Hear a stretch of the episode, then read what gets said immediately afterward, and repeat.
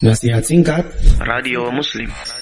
Tobat itu menghapus semua dosa. Ya ayyuhalladzina amanu tubu ilallahi taubatan nasuha asa rabbukum ayyukaffira ankum sayiatikum wa yudkhilakum jannatin tajri min tahtihal anhar.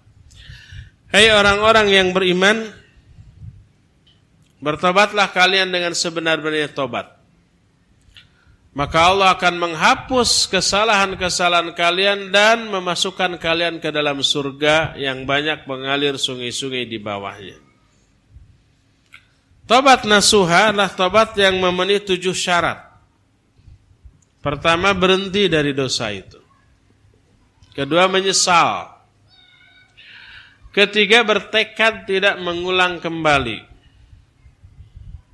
Keempat, bila dosa itu berkaitan dengan, dengan hak orang lain, kembalikan hak itu. Kalau kita pernah nyolong pulpennya, syarat tobatnya kembalikan pulpen itu kepada orang itu. Gak bisa saya tobat, tapi pulpennya masih dipakai. Gak boleh. Kelima dan keenam berkaitan dengan waktu. Lakukan tobatnya sebelum sakaratul maut. Karena kalau sudah sakarat baru tobat, ditutup pintu tobat.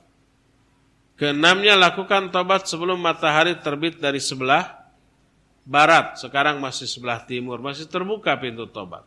Dan ketujuh, karena tobat adalah ibadah yang agung, maka wajib dilandasi dengan niat yang ikhlas karena Allah. Tobatnya karena Allah, bukan karena orang atau karena dunia. Kalau seorang penjudi dia mengatakan saya baru tobat kalau ada yang memberikan subsidi bulanan. Sejuta lah cukup, saya berhenti judi. Kalau enggak mas saya terus. Maka itu bukan tobat karena Allah, tapi karena uang. Maka tidak sah dan tidak diterima tobatnya, tidak menghapus dosa.